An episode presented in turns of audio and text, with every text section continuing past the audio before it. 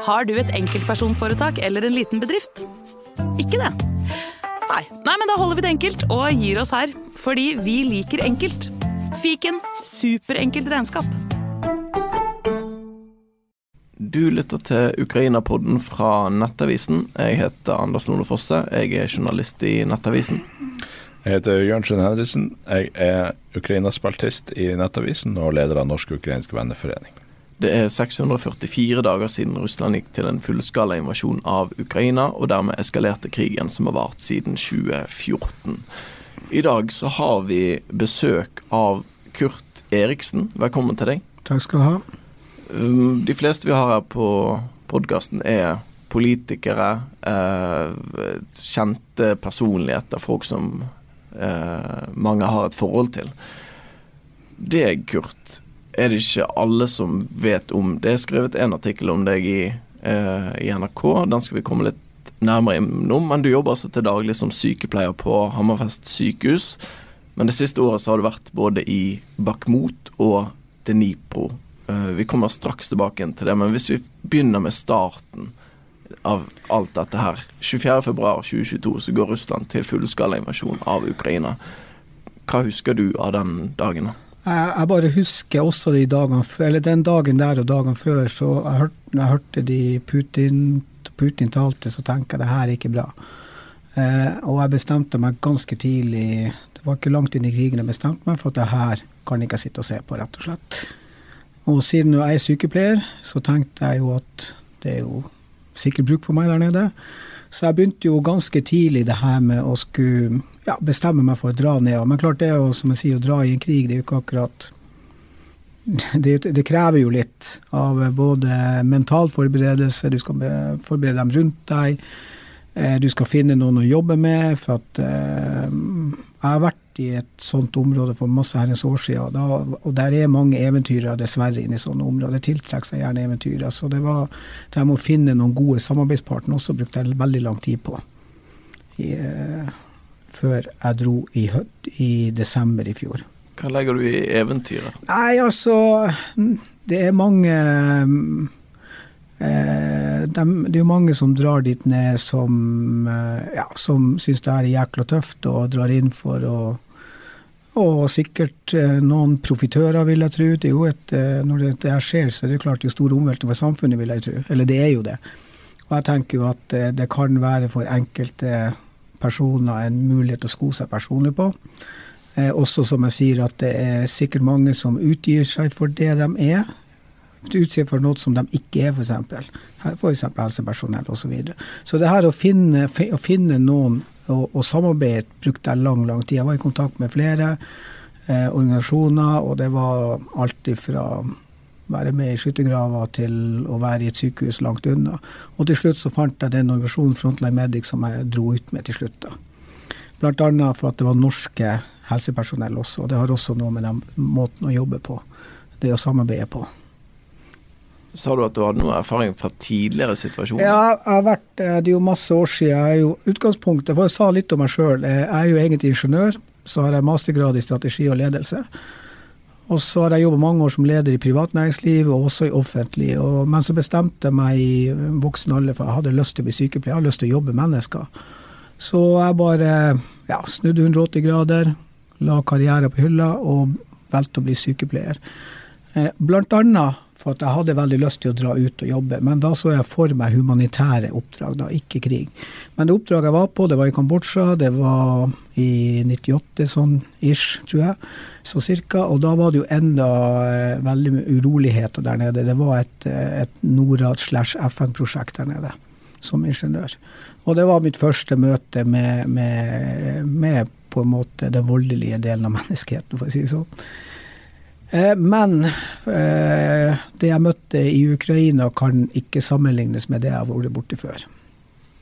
Nei, fordi 14.1 eh, så blir en boligblokk i Dnipro angrepet av en russisk mm. rakett. Dette tror jeg er noe de fleste av våre lyttere i hvert fall husker. Det er denne svære boligblokken hvor det bare er en V ned i midten av blokken. For det at der hadde rammet en russisk rakett. Mm. Hvor lenge har du vært i Ukraina på dette tidspunktet, når dette skjer? Jeg dro ned i bunn, helt i begynnelsen av desember. så jeg husker, husker ikke akkurat datoen da. Men jeg hadde jo hatt flere oppdrag inn i Dinipro, da, ikke Dinipro, inn i Bakhmut allerede. Så vi, har, vi, vi, bodde liksom i Vi hadde en base i Dinipro-området. Vi bodde aldri ved basen, men noen, eller ved fronten. Noen ganger måtte vi overnatte selvsagt nærmere. For det er jo ganske langt. Det er jo en femtime kjør fra Dinipro til de områdene vi opererte i. Eh, så, så, da hadde jeg vært der i en og en halv måned i, i, i Ukraina. Mm. Da den hendelsen skjedde. Og dette er jo noe som folk flest har sett på eh, mm. videoer og bilder og sånt, men der var du? Der var jeg. Eh, vi var, eh, vi, vi var to Vi opererte to ambulanser i Ukraina akkurat da. Så jeg og en amerikansk kollega av meg, brannmann, veldig flink fyr, vi, var, vi, hadde egentlig tømt ambulansen. Vi var i Dnipro for å hente ut noe aggregat, nødutstyr og sånne ting, som vi skulle ta med til fronten da. Eh, og mens vi er der, så hører vi et kjempestort smell. Og vi begynner å diskutere at det her ser ut som artilleriangrep. Så sier vi jo enige at det er fem, fem timer fronten kan ikke være artilleriangrep. Men så hadde vi en lokal med oss, en samarbeidspartner der nede, som gikk inn på sosiale medier og så sier han at det er en rakett som har truffet en bygning i Dnipro. Så vi starter ned mot byen, og vi møter et tog av en, en, masse enorm rekke med ambulanser, brannbiler, politi, Forsvaret på tur mot hendelsesområdet.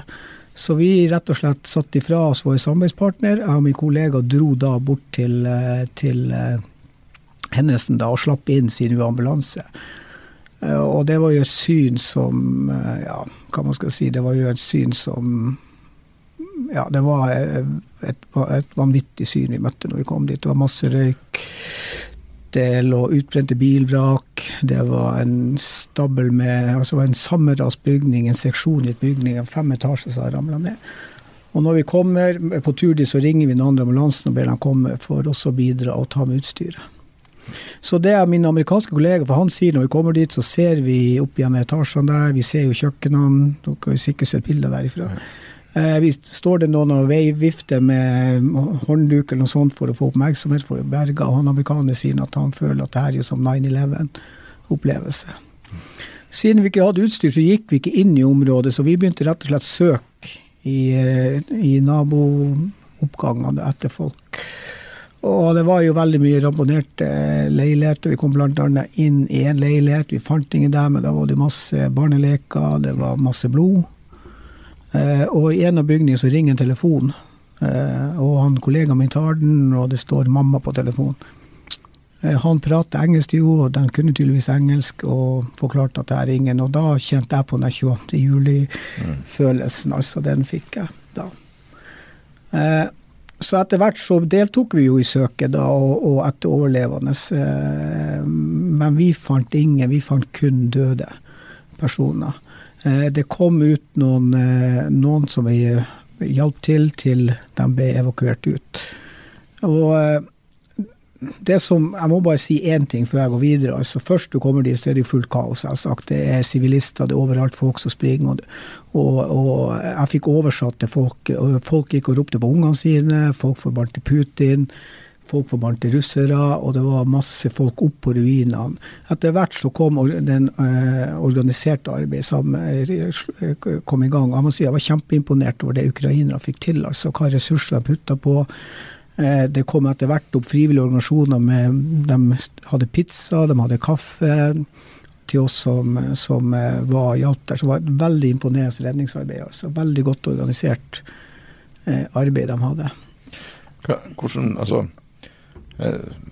jeg spør fra uvitenhet, men jeg ser for meg det blir, selv om alt det her foregår i Ukraina, så må det være en voldsom kontrast mm. i forhold til å være ved fronten, der liksom krigen på en måte foregår, der det er militære styrker ja. mot hverandre, og så, ja. og så, slår det her ned i, i en helt sivil sammenheng. Ja, det var langt ifra. Det var ikke noe militært eh, ja. eller infrastruktur i nærheten. Altså Bakhmut er jo mange sivile ennå, ja.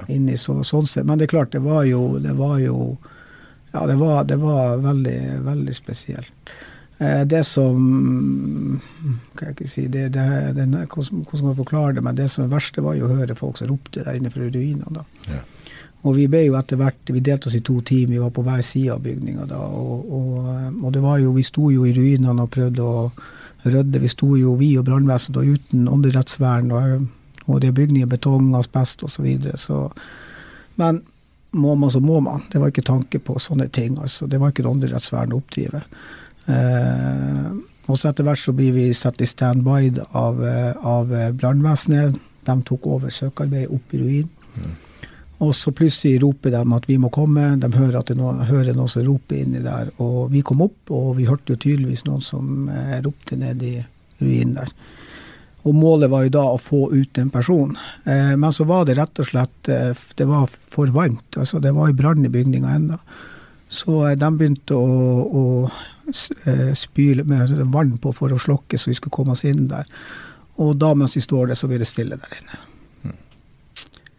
Og eh, det var en stillhet som ikke ligner nå, for å si det helt ærlig. Det var komplett Altså, du står der, det er ambulanser, det er sirener, folk roper. Men akkurat da, det var som en boble som bare la seg rundt, og så kom lydene tilbake. Det er kanskje det verste øyeblikket, for å si det sånn. Du vet at du er så nært, og så dør et menneske der inne. Det er en ganske heftig opplevelse. Så vi var jo der i fem-seks timer, jeg husker ikke helt. Vi var jo dødssliten, vi var jo våt, vi hadde blitt spylt, vi òg. Og, og, så for vi hjem, og jeg har aldri vært så sliten i mitt liv. Og så dro vi tilbake mot dagen etterpå. Det var bare å, Vi måtte bare være i gang. Mm. Det var det. I dagene etterpå da, så blir det funnet eh, 45 døde personer i ja. ruinene. Husker du hvor mange du fant? Vi fant jo, jo ingen levende. Vi, vi, vi, var jo borti Vi fant jo flere døde. Eller vi var borte. Jeg var jo sjøl og sjekka. Det er jo noen bilder på Facebook der jeg la ut. De er jo ganske sterke. Facebook har jo på en måte sensurert. Men vi var jo blant annet og sjekka om de på folk, folka var døde. Det var jo, vi så jo inn i ruinene folk som var delt i to. Hvis man så inn i ruinene og sånne ting. Så, men det er klart, eh, eh, det, de fleste døde ble jo funnet etter hvert. For nå var det jo søk på overlevende som gjaldt. Det var det som var fokus hele tida. Ja, de første timene. Ja, det er overlevende. Men én ting som jeg tenker litt på, når du står der, det er bare noen timer eller minutter siden den raketten har truffet. Mm. Tenker du at her kan det komme en rakett til? Altså, vi tenker jo det, men samtidig, vi har jo, på å si myndighetene rundt oss. Det var jo soldater. Men jeg vet ikke, tenke og tenke på det Altså Der og da så er man fokusert på å gå inn og hjelpe, rett og slett. Det er det som er fokuset. Så, så det, var, det, var, det som, som gjaldt. Eh, var det. Og eh, det har jo vært flere sånne incidenser der med russiske tar sivil, men jeg vet jo om de har truffet unger. Men akkurat der og da så skal jeg må innrømme at da var det bare ut, da var det ut og gjøre det vi måtte for å, for å prøve å berge liv. Jeg var, og så må jeg bare si, jeg var jo nå i juni igjen, og det er noe med sånne plasser, så jeg måtte jo fære dit og, igjen og se. Og nå er det jo rydda der, men uh, fortsatt så ser du det gule kjøkkenet. Det er jo litt berømt, det gule kjøkkenet. Mm. Det var jo en uh, trener der. Det ser du der oppe, og du vet jo at der satt det folk som døde mm. spiste middag. Så det, det, er en veldig, veldig, veldig spesiell plass, følte jeg. Så det, det er et eller annet at jeg måtte bare tilbake og rett og slett gå igjennom. Det var, det var veldig, veldig sterkt å stå der og se nå når det rydda. Men sant, det var jo flashback, man var jo rett tilbake mm. i hendelsen. Ja, det jo. Så akkurat den der, eh, og den, eh, som jeg sier, den armen og den, det mennesket eh, Som jeg sier, det, det, var en kvinne. Vi vet jo gammel, men personen var død. akkurat den sitt. Den sitt. Når, når, du drar nedover dit, så er du jo på en måte altså Du er frivillig og kommer fra mm. Norge og, og sånne ting. altså når, når Norge offisielt sender folk ut til sånne områder, så er det jo på en måte et apparat som mm. når, du kommer hjem. Hvordan føler du i forhold til å ja, bearbeide sånne hendelser og opplevelser sånn som det der. Når du kommer hjem, så er du vel altså, her, I og med at du er der som frivillig, så, så er du ikke en du blir jo ikke tatt vare på av noe apparat. Du, du, du må sørge for det sjøl, på en måte. Jeg har ikke noe organisert apparat rundt, men jeg har jo noen personer som jeg har samtaler med. Mm. Eh, jeg må jo si også at uh, jeg har jo opplevd en del ting der nede, men uh, altså av og til skal jeg innrømme at jeg har jo våken etter, det skal jeg innrømme. og Eh, men, eh, men eh, jeg føler jeg har takla det veldig bra. Og det er Jeg har, sånn som jeg prata med en profesjonell om det her, eh, så, sa, så fortalte jeg litt hva det var, så, så, og så sa jeg det, det positive var det, og så sier personen til meg hold på det positive. Hold på det positive, ikke ta det negative. Hold på positive. Du har berg, jeg har vært med og berga liv. Jeg vet jeg berga liv. Og det er på en måte, og jeg og, og kommer sikkert inn på det, men jeg vet måten vi blir altså sånn som vi blir mottatt i Ukraina og ukrainske folket. den, den følelsen du får der nede, er veldig sterk, og det er på en måte en veldig drivende faktor for at man vil tilbake. For det, apropos dette, du sier jo til NRK at du blir enten drept, skadet eller traumatisert. Ja. Det er, jeg tror ikke du kommer ut av Bakhmut. eh, Jeg kan ikke tenke meg at noen kommer ut der uten å være, å være eh, bli påvirka på en eller annen måte. Og folk rundt meg sier jeg er forandra.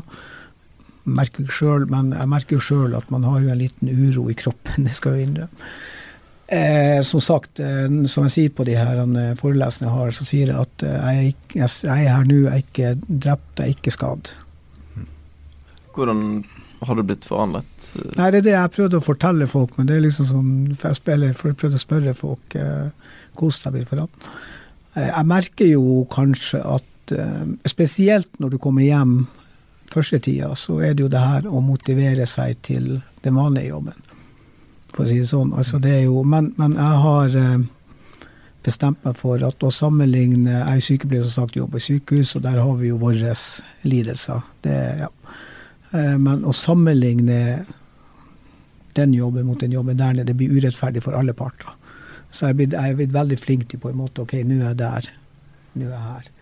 Men jeg husker godt første gang jeg kom hjem og jeg skulle gi noe medisin til en pasient, og pasienten skulle ha en Paracet og sitter foran meg og sier jeg må få den Paraceten, for jeg har vondt i hodet, jeg er død. Og det er klart, du, får, du, du, du får litt sånne ting, du kjenner at det blir litt sånn, men samtidig man må på en måte bare legge det vekk.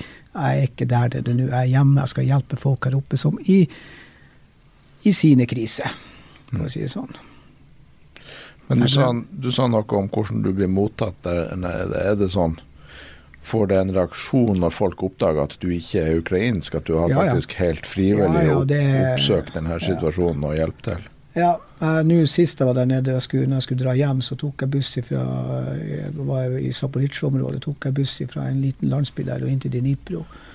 Og det var jo vanlig lokalbuss med smekkfull av soldater da. Jeg hadde jo med meg alt, hjelmen og alt, og bakpå hjelmen så har jeg et norsk flagg da. Og når vi nærmer oss jernbanestasjonen i Dnipro, så hører Jeg kan jo ikke noe ukrainsk, jeg har prøvd å lære meg, men det er forferdelig vanskelig. Men i hvert fall da, når vi kommer dit, så sier han, hører han nevne norsk, altså jeg kan jo ordet norsk. Eh, og da, altså Det var jo smekkfulle av soldater. De kom jo rett fra, altså Mange av dem kom jo fra fronten. da, og De tok utstyret mitt, og jeg ble omtrent båret ut av bussen. altså. Og vi går ut, og jeg prøver å forklare at jeg, skal, jeg skulle være i Dnipro et par dager. Jeg skal ikke på jernbanestasjonen. Og jeg, til slutt så forsto de jo det. Og flere av dem kom bare og holdt rundt meg. Og det her er snakk om tøffe soldater, altså. Og bare det, akkurat det der, at du, det, du blir møtt på den måten, at du på en måte du får en følelse at du er med og bærer byrdene med dem. Og det er en veldig veldig god følelse, i hvert fall for meg. Er det. Så, så de, og det er ikke bare soldater, det er også folk som stopper meg på gata og holder rundt og takker for at man er der. Jeg har fått masse tilbakemeldinger når jeg har kommet hjem, så det er veldig, veldig motiverende den delen. Du nevnte det så vidt i sted at dagen etter denne boligblokken så drar du til eh, Bakhmut. Ja.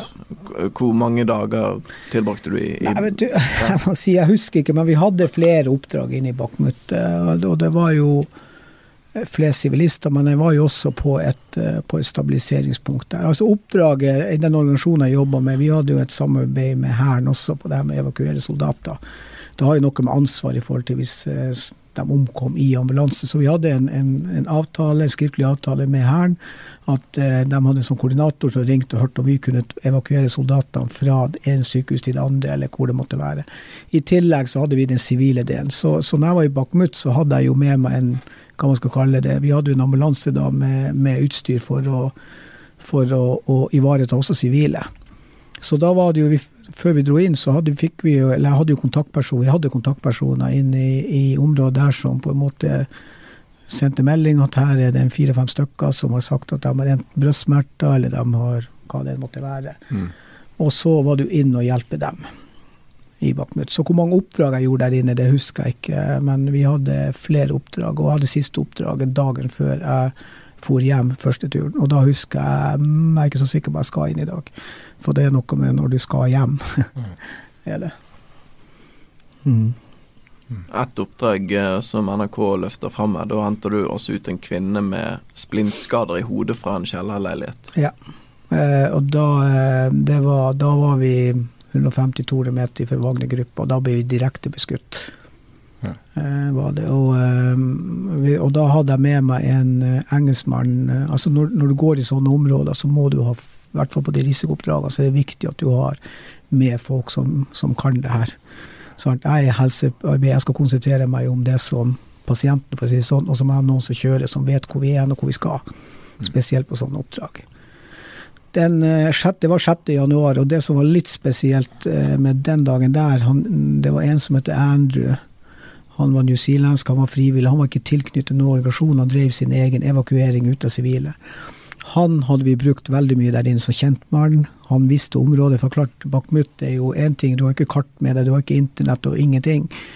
Eh, han var kjent inne i området, han hadde kontakt inn, så vi brukte jo han til så vi skulle finne pasientene der inne. Og gatene er forandra, du må jo kanskje kjøre en annen vei pga. at det ligger bygning, bygning rett og slett i veien. Eh, Andrew Bagshaw, da, eh, hvil i fred, sier jeg bare. Han, eh, han brukte veldig mye der inne som kjentmann. Og 6.1 så skulle jeg og han på ett oppdrag i lag. Og jeg prøvde å ringe han flere ganger, fikk ikke tak i han. Så vi dro på et eget oppdrag. Han dro på det oppdraget vi skulle på, og ble drept samme dag. Så det var jo litt spesielt. Ja, han ble drept på det oppdraget der du han ble, skulle Ja, han dro på oppdraget. Jeg vet jo det var akkurat det, men han dro på oppdrag som ikke som er, og, og, det var en engelsk, han var engelsk han andre, og ble drept den dagen der. Og da dro vi, da jeg og han, eh, han andre engelskmannen som som sagt lommekjent der inne, han driver også sin egen. Det er mange de her som driver for seg sjøl. De vil på en måte ikke kanskje, eller vil, eller, men sant, det å operere alene er kanskje det tryggeste man har. Og de er sivilt kledd. Vi er jo også på en måte, men vi var jo, hadde jo mer den militære looken, da, for å si det sånn. Men i hvert fall, så han hadde med inn da, og det var rett og slett for han visste hvor det var, var kjent hvor vi skulle kjøre. For kjører du feil der, så kan det gå riktig, riktig dårlig. Så da kom vi til hun dama der, eller, den, eller det ekteparet der, og de bodde i blokk, og det var du, Bakhmut, du krysser i elv, og så kjører du ut, og da var vi helt oppe ved fronten. Og der var det kamper på gatekamper, rett og slett. Det var bygning i bygning, og det er håndvåpen i, i bruk der, og da er du nært. Ja, for det var det dere ble beskutt med? Ja. Jeg hørte jo rikosjetter når vi evakuerte ut. Fra bygninger rundt? Ja, fra rundt meg, for å si det sånn. Så, eh, og dem, de ekteparet hadde jo evakuert ned i kjelleren sin, da, og vi fant dem jo der. Og hun var jo sterkt skada, du så jo åpne sår i hodet. Eh, splintskader. Og i tillegg så bodde de i kjeller. Det var ikke strøm, det var ikke vann, det var ikke hygieniske forhold. Sant? Og det var jo stor fare for at uh, infeksjon. Uh, vi kom dit ned, og planen, vi hadde en plan om at vi skulle gjøre sårstell, vi skulle stabilisere smerte og alt det der. Men det gikk fra fra Situasjonen på yttersida gikk fra ille til rent helvete på yttersida. Vi prøvde å få henne tre ganger, måtte trekke oss tilbake. En mann ville jo egentlig ikke at de skulle evakuere, for de skulle ta vare på leiligheter. Mm. Så jeg sa til mannen til slutt der at du får valge. Han, min kollega da prata russisk, så jeg sa til han du får valge mellom leiligheten eller kona di, hun dør her. Det var bare, måtte bare være ærlig med mannen. Så han aksepterte, men han ville ikke ut. Han var også skada, men ikke så alvorlig.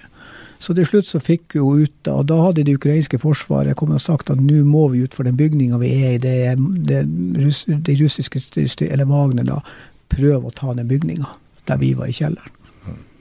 Så da fikk vi henne ut, og på tur over til eh, ambulansen da, det var, da hørte rikosjetter rundt. Og, hun, og det gikk ulidelig sakte, for hun var en, en, dame som ikke ville bæres ut, hun skulle gå sjøl. Så det gikk veldig veldig sakte. Det er en video som ligger ute på akkurat den biten. Men han ble ikke med? Han ble ikke med, nei. Vet du hva som skjedde med han? Ja, han, han kom seg ut etter hvert. Mm. Han kom seg ut.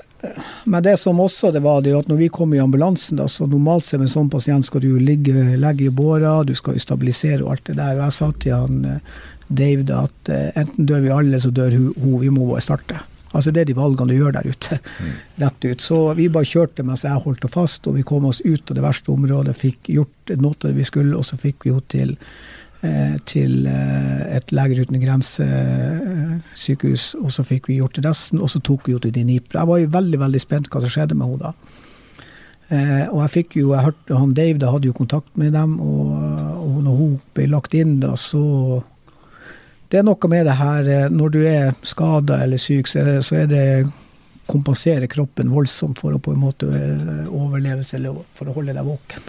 Og når hun kom da og var trygg, så tydelig så kollapsa adrenalinet forsvant, og da mistet hun evnen tale, hun mista evnen å gå. Så, men etter hvert så kom behandlinga. jeg fikk en melding da, jeg husker ikke helt når, men da hilste Dave fra og sa at hun var bedringsvei, hun var kommet seg av føttene, hun så lyst på livet, holdt jeg på å si, og mannen var kommet ut, og takk og Gud også for at hun var tatt ut. Når Wagner-soldatene er 150 meter unna, ja. beskytter dere, skjønner de at dere er saniteter på jobb? Jeg håper ikke det, for da tror jeg de har sikta bedre. Mm. Ja, for at det er jo og, og det, det, er en sånn ting som, som, er der i debatten, men som, mm. som ikke blir løfta frem. Men nå etter ett og et halvt år så ser vi jo helt tydelig at det er et mønster at russerne går både etter helsearbeidere, sanitet og sykehus. Det, det, er jo noe de gjorde i Syria også, så det er på en måte det er ikke feilbombing eller et uhell eller noe sånt. De går, de går etter folk som har et rødt kors på, på mm. uniformen.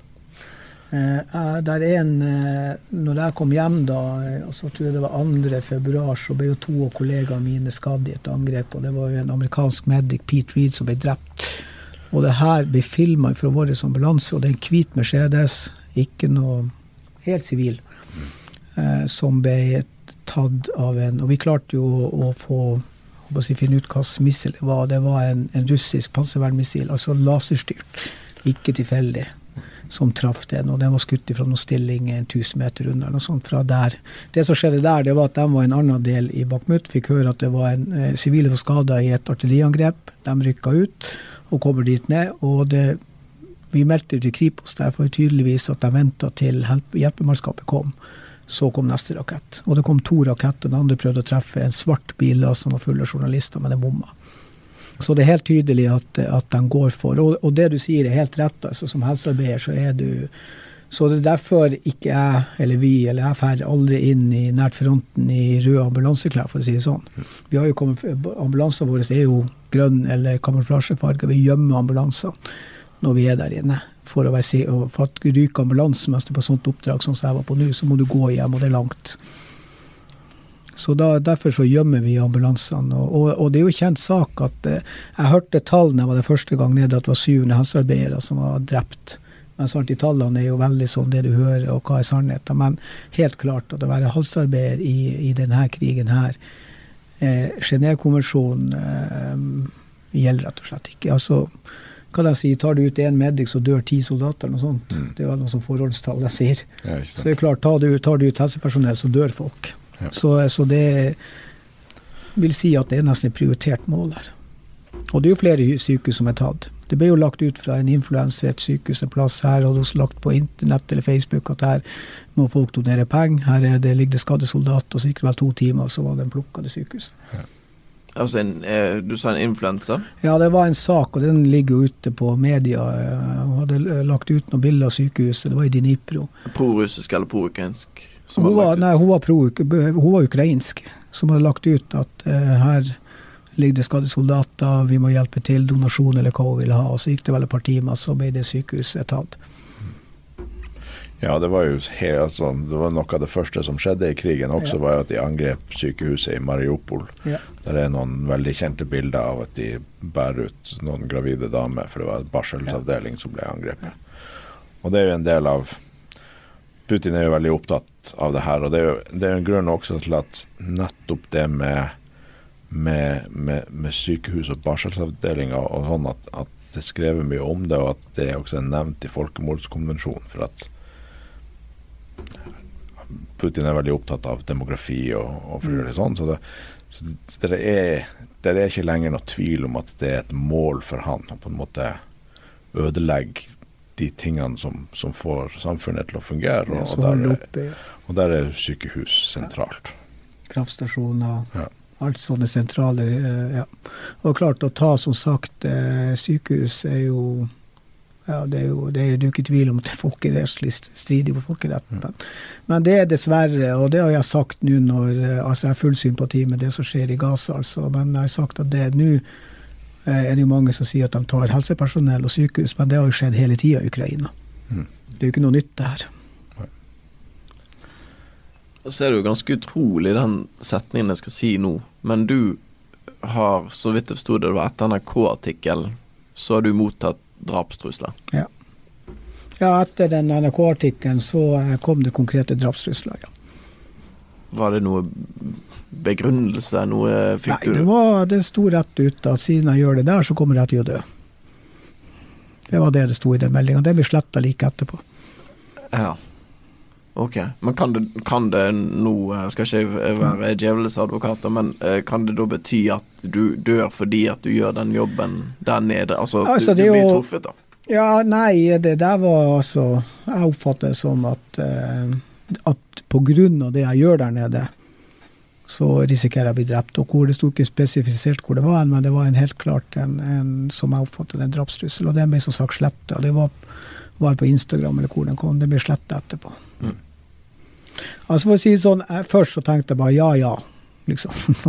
sånn, men som jeg sier at, eh, altså for å si sånn, Når man gjør det som har vært der nede, så er det første du er ikke redd for å dø. da, Eller redd, du ikke hva jeg mener. altså Du, jo- du lever jo tett på døden når du er der nede, i hvert fall når du er inne ved fronten. Så det var jo på en måte ikke så veldig overraskende, for jeg vet jo at det finnes sånne telegramsider der eh, flere frivillige er hengt ut, og det fortelles eh, fort, dikter opp historier om folk og og alt sånne der ting. eh, eh, Og så jeg var ikke liksom sjokkert at den kom, det dødstrusselen. Men, men, eh, men det er klart, det er spesielt å få det. Mm. Det er det. Så det er klart, det, det er spesielt å få en sånn trussel. Jeg skal innrømme det. For jeg er jo en helsearbeider. Jeg, prøver, jeg, er jo, jeg er jo der for å hjelpe folk. Og som jeg sier, jeg fikk spørsmål fra en amerikaner en gang der nede. Vil du hjelpe en russer? Hvis du kommer, ja, klart jeg vil hjelpe en russisk soldat. Det vil jeg. Og det mest eh, ironiske oppi det her, det vil jeg jo si at det er jo vi, de fleste sivile vi hjalp i Bakhmut, det var jo de sivile Putin prøver å befri. Med å bombe eh, dem sønder og sammen. Ja. For at han hevder at siden de, siden de snakker russisk, så, så må han inn og hjelpe dem. Ja. Mens eh, Så det var dem vi hjalp oppi der. Det var dem han skal befri med å bombe dem eh, eh, sønder og sammen der inne. Og det er jo litt å tenke på. Han eh, talte jo i går, Putin, til et eh, forum ledet av denne eh, patriarken Kirill, Mm. eh, leder av den russisk-ortodokse kirken. Sitater fra Putin i den talen. Vi kjemper for selvstendighet og for rettferdighet. Vi forsvarer sikkerheten og velferden til vårt folk. Landet vårt står i fronten for å skape en mer rettferdig verdensorden, og jeg vil understreke uten et suverent sterkt Russland er ingen varig stabil verdensorden mulig, sa Putin i går når vi spiller inn dette her.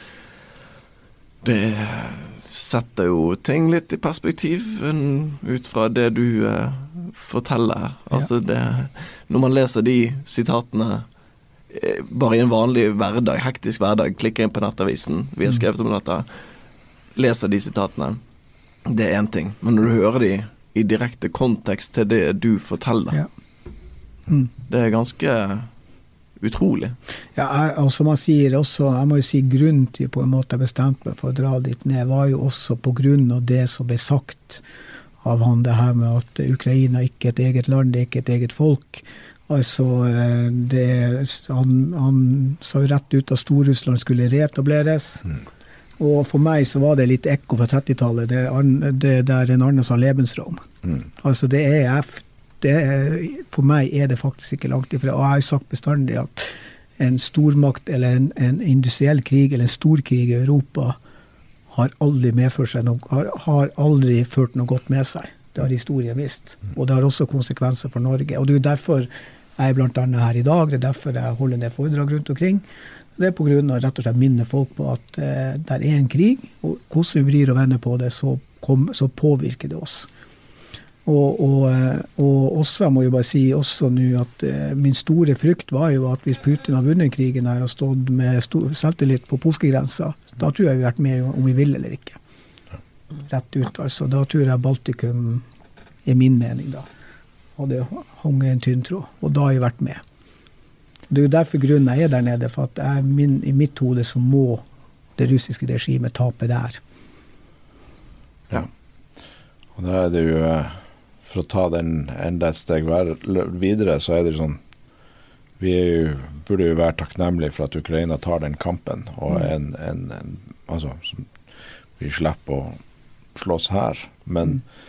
men det er jo også uh, nyttig å spørre seg om hadde, hvis den krigen hadde kommet til oss, hadde vi vært klare her. Altså, Ukraina har tapt mange hundre stridsvogner. Det nærmer seg vel mm. eh, 600-700 stridsvogner. Og i, i, Norge har vi 50 eller hadde 50. Så at ja, det, det, den krigen er viktigere for oss her hjemme enn de aller fleste tenker på i hverdagen. Jeg, jeg tror også det. Også. Jeg, tenker, jeg, tenker også det. Vi prater jo så varmt om totalberedskapen. Eh, jeg jobber jo sjøl i helsevesenet. Jeg har hatt noen diskusjoner med folk. Eh, for å ta Finnmark, da, et område, da, for å ta det, hvis det her hadde skjedd, så har jo for det første ett av de akuttsykehusene vært tatt ut. Mm. Ett av to. Og jeg vet ikke hva, eh, har, jeg husker ikke tallet på, på intensivplasser vi, vi, har i Norge.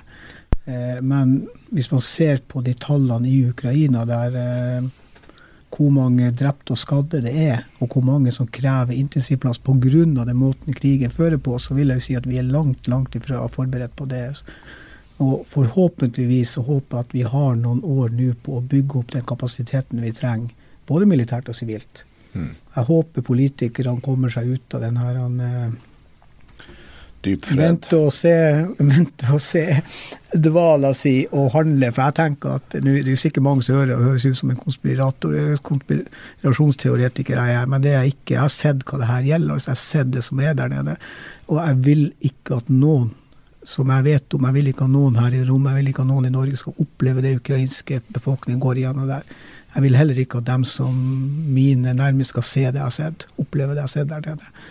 Så det er blant annet en grunn, og det er det jeg håper. At, og jeg tenker sikkerhetspolitikk. altså Jeg tenker at er det en plass føre var-prinsippet gjelder, så er det absolutt der når det gjelder sikkerhet. Etter snarprinsippet, det tror jeg det er altfor seint. Jeg tror de som anser deg som en eh, konspirasjonsteoretiker, de tipper jeg de har stått av for lenge siden. De eh, tror de helst vil høre det mm. de vil høre for å si det sånn. Men vi vet jo at de finnes det. Men, men, det er jo også det en del av motivasjonen min. Som jeg sier, jeg er sykepleier, jeg har lyst til å hjelpe folk. Den andre motivasjonen er som sagt at, at uh, jeg er med i denne kampen. her, Jeg står på ukrainsk side og kjemper sammen med dem. Det er for at jeg mener han, de må tape der. Det er min ærlige mening mm. på det.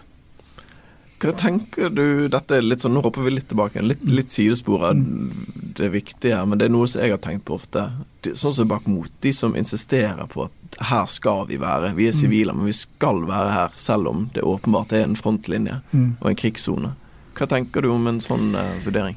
Nei, altså uh, For å si det uh, Jeg syns det, det, er vanskelig der, men, men jeg velger å tenke litt på historien fra mitt eget nærområde. 1944 så ble eh, Finnmark tvangsevakuert.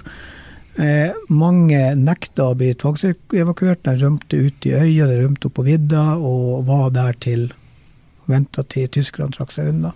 Og det jeg har hørt dem sier eh, Den generasjonen, jeg vil ikke prate så mye om det der, men sånn som jeg har hørt folk sier, det var jo at hvis de evakuert sørover, så visste de ikke hva de kom tilbake til. Altså Det de hadde der på den tida, hadde gårdsbruket, de hadde en fiskestua, de hadde en fiskebåt, de hadde, det var det livsgrunnlaget deres. Hvis de blir evakuert derifra, de, som de sa, de vet ikke hva vi har kommet tilbake til. Og hvis man ser der i Bakhmut, så er det jo for det første er det jo mange eldre som ikke kommer seg ut. Det er jo en måte. Mange yngre må ta vare på sine eldre. Og sånn som også har skjønt det, så er jo, er jo eh, Altså alt de har eh, altså de, eh, Ukraina er jo veldig sånn altså Du har den rike vest og ikke den fattige, men mer mindre rike øst. da. Og mange av dem som er der, det de har av verdier, eller det de har brukt sitt arbeidsliv opp gjennom Det de har jobba for, det er den huset de sitter med. Det er det de har. Og blir de evakuert, som de sier, så vet de ikke om de har noe å komme tilbake til. Og de blir også mange blir familiesplitta. Men det jeg ikke skjønner, det var det at, ikke, at familie med unger fortsatt var der inne. Den sliter jeg med å forstå. Bare for å ta det også, De som ikke kan sin historie så godt, de, de vil jo også si at det var en altså, Eller for alle andre, altså, for de, så kan vi si at det var en rasjonell frykt. Dette med å for nordmenn som ikke ville mm. forlate Finnmark på den ja. tiden der. For det, hva endte det opp med at skjedde da? Det var jo den brente jords taktikk som eh, Ja, mm. bare for å ha nevnt det. Så det var rasjonell frykt. Ja, det var det. Og, og det er klart, jeg, jeg har også det er, det er, mange forskjellige historier om hvorfor folk blir og sånn, og, og en, en, som jeg forstår, det er jo at når, når, du ikke har noe informasjon og alt er bare kaos og sånn, så kan det jo være mange som bare blir redd for at hvis, OK, det, det, er farlig å være her, men det er enda farligere å gå ut. Og så, mm. så blir det en sånn eh, passivitet eller en apati at du ikke, du ikke tør å gjøre noe. Men jeg, eh, jeg hørte også eh, De hadde et segment på det her på eh, eh, Telegraph sin podkast 'Ukraine the Latest'. Vi kan vel kalle det vår søsterpodkast i Storbritannia. Syns du drar veldig godt på her? Ja, ikke sant. Ja, nei, men de, de, er ganske flinke. Jeg skjemmes ikke å kalle de vår søster. Men de hadde et segment der de hadde intervjua en del av de som, de som hadde blitt. Til slutt, sånn som den historien du fortalte om de som bare rett og slett måtte ut. Men, men de spurte jo om hvorfor de ble. Og de sa at en del av de mente at det var deres plikt å bli. fordi at hvis det ikke var igjen noen ukrainere, så hadde jo virkelig Russland vunnet fram med det de ønska. At, uh, at, uh, at, hvis, de også dro, så, så, ble det jo helt russisk. Da Da var det ingenting ukrainsk igjen hvis folket forsvant. Mm. Og det er jo også en sånn veldig sånn, sterk kontrast til det til, som du sa, Putin hevder at, mm. at han kommer dit for å, for å hjelpe de her folkene. Men, men de er så standhaftige at de er de er nesten villige til å dø for at det skal være noen ukrainske igjen der under okkupasjonen. Eh, jeg var jo i går i Alta. Der var det jo ei som eh, en ukrainsk veldig veldig flink fortalte ifra at hun var i Kherson når det ble okkupert og etter hvert kom seg ut. Og den historien er jo litt om det her, for det var liksom det her Først er det jo sjokket. Mm. Her kom krigen, nå er vi okkupert. Og så på en måte gikk Eh, når, så gikk liksom eh, hverdagslivet tilbake etter hvert til det, til det normale. Si, sånn, folk tilpassa seg. Men etter hvert så ble det jo lite mat. Det ble jo ting, og hun valgte til slutt, hun ektemannen valgte å flykte derifra. Og det var kanskje litt der sammen at eh, ja, det her rasjonelle at eh, sjokket Ok, nå er vi tilbake til riktignok tankser, det er russere i gata, eh, men vi har nå jobben, vi har nå de her tingene her. altså mm. Livet går på en måte videre helt til ting begynner kanskje ikke å gå så videre, og de må, må rømme. Mm. Men eh, jeg må jo bare si, jeg har hørt noen har uttalt at eh, Og det var fra ukrainsk hold. At eh, hvorfor vi hjalp dem i Bakhmut. På grunn av at, og det var en ukrainer som sa til meg, for at jeg så på dem som foreldre som har blitt. Var det. Ja. Så jeg tenker jo at eh, eh Jeg håper det var en irrasjonell tanke i en heftig situasjon, for å si det sånn. Mm.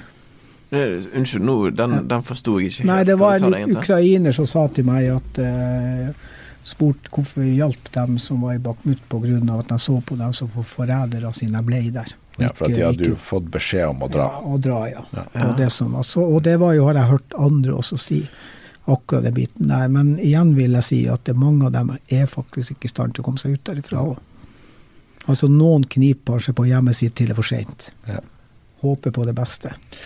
Så er det jo veldig, det er veldig vanskelig, det er, vanskelig, det er umulig å sette seg inn i deres ja. situasjon. Så det å sitte på utsida og ja. tenker rasjonelt og forventer at de som er på innsida i en sånn jævlig situasjon skal tenke rasjonelt, det, det er vanskelig å ja, jeg, som jeg, sier, man skal, jeg er helt enig med dem. Man skal være veldig veldig forsiktig og sitte her oppe og dømme dem. Ja. Det er nok mange mange årsaker til at, eh, at folk velter å bli. Det, det tror jeg. og eh, og så håper jeg jo som sagt at ikke den holdninga der eh, som jeg nevnte nå, er utbredt. For da har de en kjempeutfordring etter seieren mm.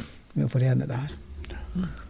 Men klart, jeg tenker jo sånn i en sånn ekstrem situasjon som de er der nede, så er det klart det, de fleste er jo, selv om du ikke er der inne, så er det jo en, det jo en stresstest for hele nasjonale samhold oppi der. Det er klart, det, det, er jo ikke tvil om det. Det var det under Norge i, når vi var under okkupert også. Eh, så det er klart det at, at, at, sånne følelser kan dukke opp, det kan man godt forstå. Om de mente det direkte, eller om det ble sagt i affekt, det skal jeg ikke si, men, men det ble nå uttalt i hvert fall.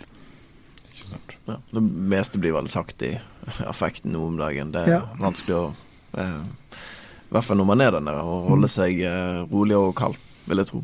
Ja, det er det. Eh, du skal nedover der om ikke så lenge igjen. Det, mm. det er kanskje noen som sitter og hører på den podkasten og tenker han må jo være utrolig glad for å slippe ut uh, uskadd og, og, og, um, og i live. Uh, rent sånn uskadd fysisk, i hvert fall. Uh, men du skal ned igjen der? Jeg skal ned igjen, ja. Eh, når og vet du noe om hvor, vet du noe om hva du skal gjøre? Eh, nei, eh, jeg kan ikke hvis Jeg blir vel på nyår en gang. Eh, det er jo flere organisasjoner vi er i gang. Eh, vi er i kontakt med også det er også eh, si, mer statlige organisasjoner, for å si det sånn. Altså, Vi har jo kontakt med enkelte bataljoner som kanskje trenger folk. Vi har jo kontakt med andre organisasjoner nede, så det er ikke helt bestemt egentlig hva hva som, eh, som eh, Hvor vi havner og hvor oppdraget Men det blir øst, blir det. Det er i hvert fall det er ganske sikkert. Eller det er helt sikkert det blir øst. Og dette igjen da på frivillig basis? Frivillig, det, vil si at du må ta fri fra jobben? Jeg må ha permisjon fra jobb, har ikke betalt, betaler alt sjøl for å dra dit ned. Jeg prøvde å få forsikring, det var det vel ingen i Norge som var villig til å betale forsikringa for det. Men altså, er det ingen som har eh, ymtet frampå til myndighetene at kanskje vi skal altså, Når vi sender, så sender jo x antall millioner, milliarder kroner nedover der i støtte. Ja. ikke dette noe som man kan eh, ja. be, be, om eh, å få i hvert fall lønnet eh, permisjon, om ikke annet? Det er jo kanskje altså det, er vel, det er vel noe med at uh, Nå kan ikke de reglene helt komme, hvis du reiser ut med statlig eller en offentlig sponsa organisasjon, så får du vel betalt. Da har du krav på lønna permisjon. Mm. Sånn som jeg skjønte systemet. Ja. Men det her er gratis. Og så kan man jo tenke kanskje staten kunne ha gitt penger til oss frivillige som drar ned, men jeg har jo tenkt mange ganger hvor mye en arm verd, hvor mye et liv verd. Ja. Hva er prisen? Jeg gjør det ikke for pengene, det er noe så helt sikkert. Det er noen som har kalt meg leiesoldat, og det kan jeg bare si med en gang, det er jeg ikke. Nei, og så er vi vel ikke helt satt opp for, og det viser jo bare altså Vi har hatt flere eksempler på at uh, i den dype freden vi er, så, så klarer vi ikke å håndtere uh, i de enkleste tingene. Den saken som Peter Frølich også nevner som en skandale med de ukrainske soldatene som var på behandling i Norge, og så kommer det en kommunal avgift på 200 kroner eller noe sånt, og så klarer ikke byråkratiet å bestemme hvem som skal betale, og sånn, så stopper hele ordninga opp pga. det.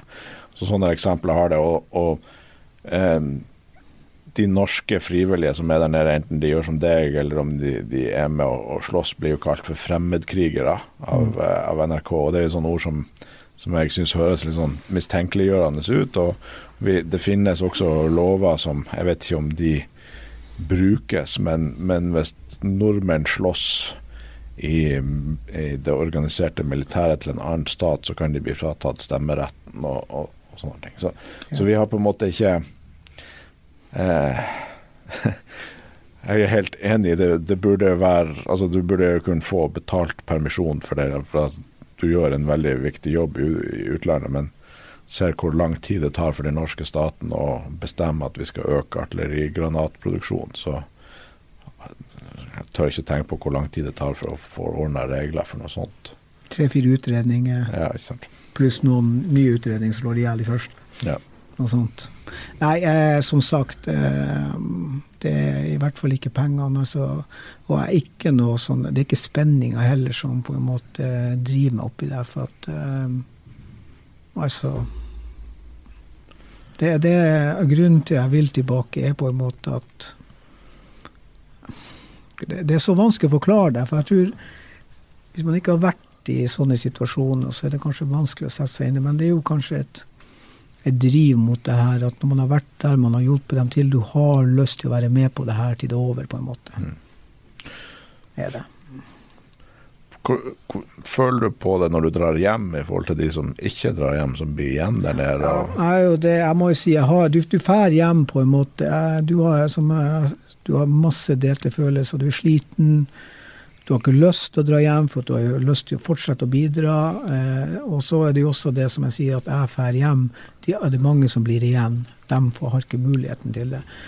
Men selv om jeg krysser grensa til Polen, så er jeg jo fortsatt i krigen, for å si det sånn. Altså Krigen slipper meg ikke sånn at jeg passerer grensa, viser pass, og så er på en måte krigen over for meg. Den absolutt ikke. altså Den er med meg hele tida. Den er med meg vi sitter her, den er med meg når jeg våkner i morges, den var med meg i går. Den, den, den er der. Jeg har, har, mange kontakter nedover der som jeg har kommuniserer med og hører hvordan det går. og ja, Så, så den, den, slipper ikke, altså. Den, eh, Eh, og det vet jeg jo gjelder de fleste som altså Jeg har ennå ikke møtt en frivillig som har vært der nede. I hvert fall ikke den som drar tilbake og ønsker deg tilbake at på en måte de, eh, de Ja, nå er jeg hjemme, liksom. Mm. Det, det, jeg skal spørre om nå, vi, vi skal straks runde av, men det er et spørsmål som jeg pleier å stille til nesten alle gjestene våre. Fordi at jeg synes det er et vanskelig spørsmål å svare på. Det er et spørsmål som blir vanskeligere og vanskeligere å svare på når man ser hva som foregår nede i Ukraina. Mm. Men hvorfor tror du Putin valgte å invadere? Hva er det som kan ligge bak eh, tankesett, rasjonale, et eller annet som ligger bak alt dette? Veldig vanskelig spørsmål, men, men eh, jeg husker for mange år siden da han egyptiske diktatoren ble sendt av eh, da, han sto og holdt tale 'Dere er mine barn'. Altså Det har noe med makt, stormannsgalskap og ja-mennesker rundt. jeg tenker. Altså det, altså det, er et eller annet der. Mm. er det. Også, også eh, Som sagt, det er jo ikke han, har jo, han, det er jo ikke første gang, så vidt jeg har fått med meg, at det er ikke første gang han prater om det her at han har jo sagt sjøl at det største geopolitiske verste som skjedde i, i geopolitisk, det var at Sovjetunionen klappa sammen. Han følger jo bare en god, gammel russisk tradisjon med imperialisme, vil jeg tro. Mm. Og som sagt så er det også det her med at du som han sier, om det. jeg husker ikke hva han het, han egyptiske Mubarak. Mubarak ja, var det. Når de sto på, når folket samlet seg utenfor presidentpalasset, han sto der og holdt 'Dere er mine barn'. Altså Det var sånn han arva det landet, arva dere òg. Altså det har noe med, med kanskje altså det med, stor, altså det med stormaktsgalskap, vil jeg tro også. Oppi, altså det er en kombo, tror jeg. Men jeg tror veldig mye på det her at, eh, at det er nok eh, enkelte kretser i eller ikke bare enkelt, men det er kretser i Russland som vil tilbake til god gammel sovjettid, da de, hadde, da de var en aktør å regne med. For hvis du ser sånn realistisk på det, økonomisk så er hva de er BNP under spanske sitt. Mm. De er jo det. altså ja, ja. Det, er jo ikke, noe stormakt. Har ikke i hvert fall atomvåpen, så er det jo, har de jo, er det jo det er jo et, det er jo et land som eh, altså Hvis du ser på levealderen i Russland, så er jo den jeg vet ikke hva den er, men den er jo veldig lav. altså Når du ser på, på sykdomsbildet, det er mange ting som sier at det her er jo ikke et, eh, det er jo ikke et, et stormakt eller på mange måter et rikt land. Nei, de er jo en BNP på størrelse med Spania eller Italia. Ja, litt under der. Noe ja. sånt, ja. ja. noe sånt. Og som jeg sier, det er atomvåpnene som på en måte er igjen av den stormaktsbiten der. Ja. Og det er kanskje litt surt å sitte og se på hvis du sitter i makta der. Jeg vet ikke. Og fremtida er jo enda mørkere, som du eh, Altså, Putin eh, sa at det her eh, han erklærer neste år er familiens år. og Det er jo mm. for at han er opptatt av demografien og sånn. og mm. Selv før denne krigen starta, så gikk jo Russland mot en demografisk kollaps. Det blir en eldre og eldre befolkning og færre og færre barnefødsler.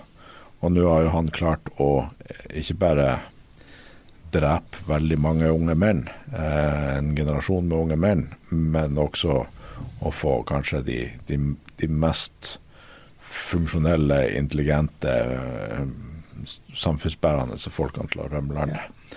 Så at den fremtida til Russland er, er ganske bleik. Mm. Men jeg har lyst til å spørre, for at du, du sier at du, du krysser grensa og du har med deg krigen, og krigen er der hele tida. Um, hva du gjør in, når du er hjemme, liksom, for å få utløp for det, på en måte? Jeg regner med at du, du snakker om en uro i kroppen, og sånn at, at en, sikkert en frustrasjon for at du ikke får vært der nede og hjelpe til. Hvordan, hvordan får du utløp for det, og trangen for å hjelpe mens du er hjemme? Ja, jeg har jo eh, sammen med Først da jeg kom hjem sist, så tok jeg sammen med gode kollegaer i, i Finnmarkssykehuset. Da vi satte i gang Jeg må takke Edel og Anastasi som var med på Partners in Crime som var med på det, å samle Finnmarkssykehuset rundt et prosjekt vi skulle hjelpe Ukraina. Eh, helsevesen, Vi er rikt helsevesen, og det er dessverre mye som ikke blir brukt. Altså Det går ut på dato, eller diverse kan ikke brukes på et nært. Og så det er jo veldig mye som som uh, av veldig viktig utstyr der nede. Uh, anestesiutstyr, det er intensivutstyr som, som rett og slett Altså er smertepumpe. Det er jo i hvert fall et eh, medisinsk utstyr du gir for å smertelindre. Når de er gått ut på dato, eller de ikke så bores det sunt på, for det er ikke lov å bruke selv om de funker. Mm. Det er mye utstyr der som, som kan sendes inn. Så vi satte i gang et prosjekt med å samle inn utstyr, og vi samla inn en ca. utstyr for en 500 000. Og det er å huske at eh, Finnmarkssykehuset er veldig lite foretak totalt sett oppi der. Eh, Utfordringa når man er oppe i Finnmark, det er jo, eh, og det er jo kanskje Jeg har jo fortsatt opplevd av folk som bor her nede som ikke helt skjønner hvor, hvor langt det er. Ja. Det var liksom ikke bare å få det nedover. Nei, så sier det 2000 km og diesel koster penger. Men heldigvis så stilte jo eh, lokalt næringsliv opp. Alta lastebilsentral, Pleims Transport stilte jo velvillig opp. Vi spurte dem, de sa ja med en gang. De vil frakte utstyret ned. Og så fikk vi lånt noen containere også fra et firma. Så de stilte velvillig med. Eh, dessverre så ser vi jo nå at eh, altså nå, en grunn til oss altså Så bruker også tida hjemme til som jeg sier, å fortelle om krigen. for at eh, Hvis du følger med nå i media etter hvert Gaza har overtatt av naturlige grunner. Altså, Nå er det influensere, det er farmen ditt og farmen datt. altså Krigen er veldig veldig langt nede i media nå, så kommer det opp av og til. Og så har du fått de altså økonomiske, altså De siste to årene har jo vært nesten paradigmeskifte i verden. altså Jeg tenker på økonomisk også. Vi har gått ifra der vi skulle bruke jeg husker hvor mange milliarder på veiprosjekt i bare null. Så det har jo endra seg. Og det er klart folk merker også det her med, med i økonomien. Så vi merker jo at Eh, at eh, villigheten kanskje til å, å, være med og bidra er, er litt synkende. Eh, jeg samarbeider jo med en annen organisasjon, Ukraine Frontline Aid, som Emergency Aid. Det er en norsk organisasjon. Vi har jo levert utstyr for jeg husker ikke om det er masse millioner euro eller der omkring til Ukraina. Men nå hadde vi utstyr for 350 000 euro som vi ikke fikk pga. vi mangler 40 000 til drivstoff. Eh, jeg har jo også satt i gang et, et prosjekt som jeg håper for Det går litt stillstand nå, da, men jeg hadde jo håp om å få skrangla i hop eller samla inn Jeg hadde et mål, hårete mål på 10 000 tornikeer. Altså, jeg har jo hjulpet sivile der nede, men man må jo bare innse det at uh, uten Hæren så er ikke så mange sivile mer uh, å hjelpe. Det, det holder Hæren i gang, altså. Få overlevelsesevnen der. Og torniké er en veldig, veldig billig ting som redder liv. Så jeg hadde jo håpa på å få satt i gang et prosjekt. Jeg har fått, eh, han, Generalstaben har skrevet brev at de støtter det prosjektet. Han, han som er sjef for saniteten. norsk ambassaden har, har også skrevet at de støtter det her prosjektet med innsamling av de tornikeene. Eh, men så står det litt i stampe nå for at eh, det, det, altså, sånn så For å få oppmerksomheten i media, så trenger man en veldig god Så hvis det er noen medie, gode mediefolk der ute som vil bidra til en god sak, så er det bare å si ifra. Jeg hadde jo håpa om kanskje også å få noen, noen kjente ansikter eh, eh, til å fronte det prosjektet for å få For media Jeg, altså, Man kan gjerne være mot det, men altså, det med medieoppmerksomhet i dag skal du få, skal du få blant annet hjelp til her. Så eh, hvis eh, men kan ikke du si, for, at, for de som er altså. Torniké det er noe du bruker for å stoppe blødninger? Det stopper blødninger, ja. Du har, eh, du, Torniké er jo rett og slett en, en, eh, en, en, ting du strammer rundt eh, fot eller armer, der du strammer til for å stoppe blødning. Og Det er en veldig billig ting. Koster ca. 400 kroner eller noe sånt. Mm. Men det berger liv, altså. Det, blødning er jo det som tar liv i krig, altså. Så, det, her, eh, så det, det, prosjektet hadde jeg håpa komme i gang da. Så hadde jeg håpa som sagt å få kanskje med meg noen. så... Eh, og det er jo de tornikeene, det er viktig at det er ordentlige tornikeer ja, også. Det er, og det er jo en sånn som der nede. Jeg har jo hatt noen kurs for soldater der nede, og de har fulgt av tornikea med seg. Og de har én oppå armen og én helt nede pga. stol ikke på. De har fått masse kinesisk dritkopi. Mm som ikke tåler å bli Og da blør folk i hjel. Og, de, og Hæren har jo satt De har nevnt opp et sett med tornikea som er godkjent av Hæren til bruk. Er det. For det er jo flere ukrainske soldater som har dødd pga. de her kinesiske ja, Rett som. Som ikke funka. Ja. jeg tror jo sjefen for saniteten i Hæren fikk sparken nylig også pga. Og ja. denne innkjøpsgreia. Og en av de tingene som skjedde, var at de, de holder ikke. For det er jo veldig viktig at når du har satt den torniketen, at den holder.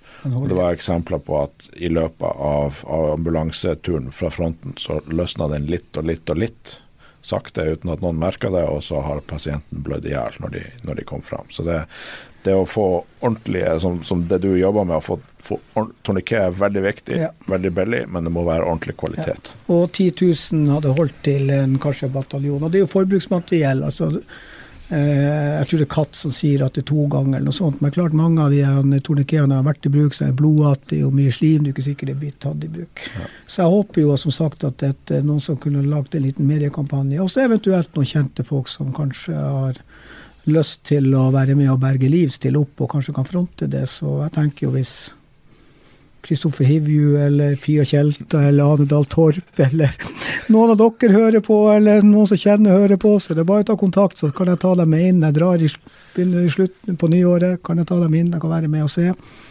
Og kan dere være med og berge liv og fronte en veldig god sak. Det hadde vært utrolig hjelp hvis man hadde fått noe sånt med. Det er oppmerksomhet som må til. I, i en sånn som det blir det i hvert fall. Jeg syns det, det, er fint etter en så forferdelig podkast med noen av de mest grusomme mentale bildene jeg har sett for meg eh, noensinne, så kan vi altså sitte her med et lite smil, for jeg tenker at når du snakker om turnikeer, så er det Pia Tjelta og Kristoffer Hivjus. De første to navnene som dukker opp i hodet. En historie som Det her er veldig malapropos, men det minner meg om en historie. Jeg har En, en annen konflikt jeg har jobba med tidligere, er okkupasjonen av Vest-Sahara. Marokko mm. okkuperer Vest-Sahara. Og, jeg er veldig spent på hvor du skal med dette. Ja. Og Det omtales som, som, Afrikas siste koloni. Og Da jeg var aktiv der, så, så, så er det en internasjonal solidaritetsbevegelse. og Vi hadde en møte i Brussel der man jobba med forskjellige, forskjellige ideer og prosjekter og sånn. Og Da var det en fra den amerikanske bevegelsen, fra California, som var med. og Han sa at han hadde kontakt med Pamela Anderson og folkene rundt henne. Og det kunne jo være en veldig, veldig bra måte å få oppmerksomhet. For som du sier, altså det her er en glemt konflikt, og, og du trenger kjendiser for å få oppmerksomhet. Men Problemet var at Pamela Anderson hun var først og fremst opptatt av dyremishandling. Mm. Så hvis vi kunne dokumentere at den marokkanske okkupasjonen eh, ja. førte noe dyremishandling, så var hun med. Ja. Dessverre så i Vest-Sahara så finnes det to dyr, det er kameler og geiter. Og vi kunne ikke dokumentere at de hadde noe verre under marokkansk styresett enn en saharawisk, så, så, vi fikk aldri og, og, og Pamela med på det. Men som du sier, hvis det er noen kjendiser som vil, vil bidra til oppmerksomhet, så, så, er det veldig bra. Så kan jeg som sagt, jeg kan ta deg med, jeg kan få, en, ja, få et innblikk av det er snakk om det her, og kan få dem ja, dit de så langt de tør, på en måte. så kan det være Men Vi har jo også prøvd sammen med organisasjonen å komme oss altså, øh, få kontakter opp i systemet. Jeg hadde helst håpa på et møte høyt opp om som presidenten i Ukraina for å få på en måte prate om det med frivillighet mm. og det som skjer nå. Altså Norge bidrar jo mye. Det offisielle Norge bidrar jo mye. Også mange frivillige. altså Det engasjementet som er rundt i landet. Mange frivillige som bidrar i det og får litt oppmerksomhet. Men vi har jo innsett at det her er det er ikke så lett å komme så høyt opp for å få eh, og, og, eh, Formålet med det er rett ut, rett og slett for å få prate om det, få oppmerksomhet, få medietid og få på en måte sparka i gang de prosjektene. Få inn penger som vi fortsatt evner å hjelpe Ukraina, for de trenger hjelp. Og så vil jeg bare si én ting oppi det her. Jeg gjør det jeg gjør. Eh, jeg forventer ikke at folk skal gjøre det som jeg, som jeg gjør. Altså, jeg ville aldri ta noen jeg kjenner som inn dit. Jeg vil ikke ta noen med inn dit jeg har vært. Men har man strikka genser til overs, har man noe til overs som, som uh, istedenfor å hive det, så er det faktisk mulig å få sendt av gårde ting. De trenger det. Ja. For at alle skal ikke gjøre alt, men Nei. alle kan gjøre litt. Alle kan gjøre litt, og, og, som jeg sier, og alle kan bidra på en måte. Jo, men igjen vil jeg bare si, det er jo ikke noe søppelhaug der nede. Det er jo et, det er jo et oppegående et, velfungerende land. Du kan betale med mastercard og visakort overalt. Det er ikke fattigfolk. Så, så, så, hvis folk skal sende noe, så ikke Og det har, vi, har jeg sett at folk sender holder til klær, skitne klær og sånne ting. Det syns jeg er direkte nedlatende overfor dem de skal hjelpe. Altså, det er snakk om faktisk folk som har stort behov, og da skal man ikke bruke det som en søppelhaug der. Men bidra med det man kan. Bidra med det man Hjelpe frivillige organisasjoner, være med på eventuelle spleis for diesel, være med de klærne du har. Jeg så har sendt fra Hammerfest eh, barnesko, Ja. sko som, som var fullt fungerende, som ble tatt vel godt imot der nede blant barn der nede. Men så vet jeg det er en sak her hjemme også som engasjerer deg litt, som, som gjelder eh, skilt i, Ja. i, i Kirkenes. Så der, det vet jeg, det, det, eksisterer en underskriftskampanje i hvert fall, som, som folk, så hvis alle vil gjøre litt, så går det an å tegne seg der. Men, men hva, hva går den saken ut på? Ja, altså eh, eh, I Finnmark, den østlige delen, i Kirkenes, eh, som en eh, Kirkenes by, da, så er det jo vært i mange år. og det har vært et tett, altså Hvis du ser Søverangens historie, så er det, eller det området der, så er det utrolig spennende historie i, som er mellom, si, i, i stormaktsinteresse, konfliktområdet. Jeg sier at Kirkenes er jo den nordlige, nordlige flanken i denne krigen. altså Det er, nord, det er, det er Nato-flanken nord. Eh, I den byen der, da, så eh, utrolig nok, så er det faktisk enda skilter på russisk. Og det var jo en gang at vi hadde et, et, et tett eh, folk-til-folk-samarbeid, og, og, og det var jo kjempebra da at det var det. Men så må jeg si, dessverre ser det ut som akkurat nå, så er jo den tida over. Det er jo ikke noe det folk-til-folk-samarbeidet er jo lagt død som det er nå. og Uansett hvordan man vil holde det åpent eller ikke, så er Europa i krig. Og Derfor mener jeg at de skiltene der må fortest mulig ned. Altså, ære være historie og sånt, men det finnes, Vi kan heller skilte med, med finsk eller finsk eller kvensk eller hva det måtte være, ikke russisk. Og det tenker jeg Så er det kanskje noen som sier at ja, ja, men hallo, hva det gjør. Men jeg mener det er faktisk, det er faktisk eh, en, en markering overfor eh, for de russiske myndighetene. Plukk ned de skiltene der. Og jeg kan stille med verktøy hvis bare Vegvesenet skriver under papirene. Skal jeg gjerne få klippe ned de skiltene. Og så må de fjerne vennskapsbygreiene sine. Ja. Det er vel enda norske byer som har vennskaps... eh, Satt på vent, ikke det? Eller Jo, avvent? der, der er noen som fortsatt ikke har røska opp i det. Men den nye fylkesordføreren i Finnmark har jo vært veldig tydelig. Han har vi en tentativ avtale med, så han skal jo bli en gjest her eh, en gang han er i Oslo. Men han eh, fikk jo oppmerksomhet da han i forbindelse med markeringa av frigjøringa av Finnmark ikke inviterte russerne, men inviterte Ukraina til å være med på den markeringa. Så, så sånn her type, type ting er jo på en måte symbolsk, men på en annen måte litt viktig. Så bra oppfordring. Og så vil jeg bare si, det var jo nå at en ordfører i Sør-Varanger har jo fått eh, konkrete drapstrusler også pga. under frihetsmarkeringa, som du nevnte. Der eh, russiske offisielle personer ikke var velkommen fra kommunen heller. Og da hadde han lagt en krans, og så hadde den russiske ambassadøren kommet og lagt deres krans over. Mm. Som han igjen hadde flytta. Men, men det er jo litt sånn Man kan jo gjerne fli litt av det, men, men det er jo litt, altså det området der. Jeg anbefaler seg et program det Helene sjekker ut eh, russere i Kirkenes eller noe sånt. Altså det er et veldig spenningsfullt spenningsfylt område der. altså Det, det som skjer ved grensa har veldig mye bety for næringslivet, for alt det her. Men igjen, som jeg sier, at vi kan ikke, altså vi må jo prøve, men å bevare en 10-20 arbeidsplasser for å sette Norges eh, sikkerhet i fare, syns jeg ikke kan la, lar seg forsvare, rett og slett. Får jeg sikkert mange Kirkenes imot meg, men det får så være. Ja, men det, det, så der er en historie, som du sier. Det er en historie, og, og det har vært mye samarbeid med Murmansk og sånn. Men det er viktig å huske på at Russland i 2023 er annerledes enn Russland i 2010, og enda mer annerledes enn Russland tidligere.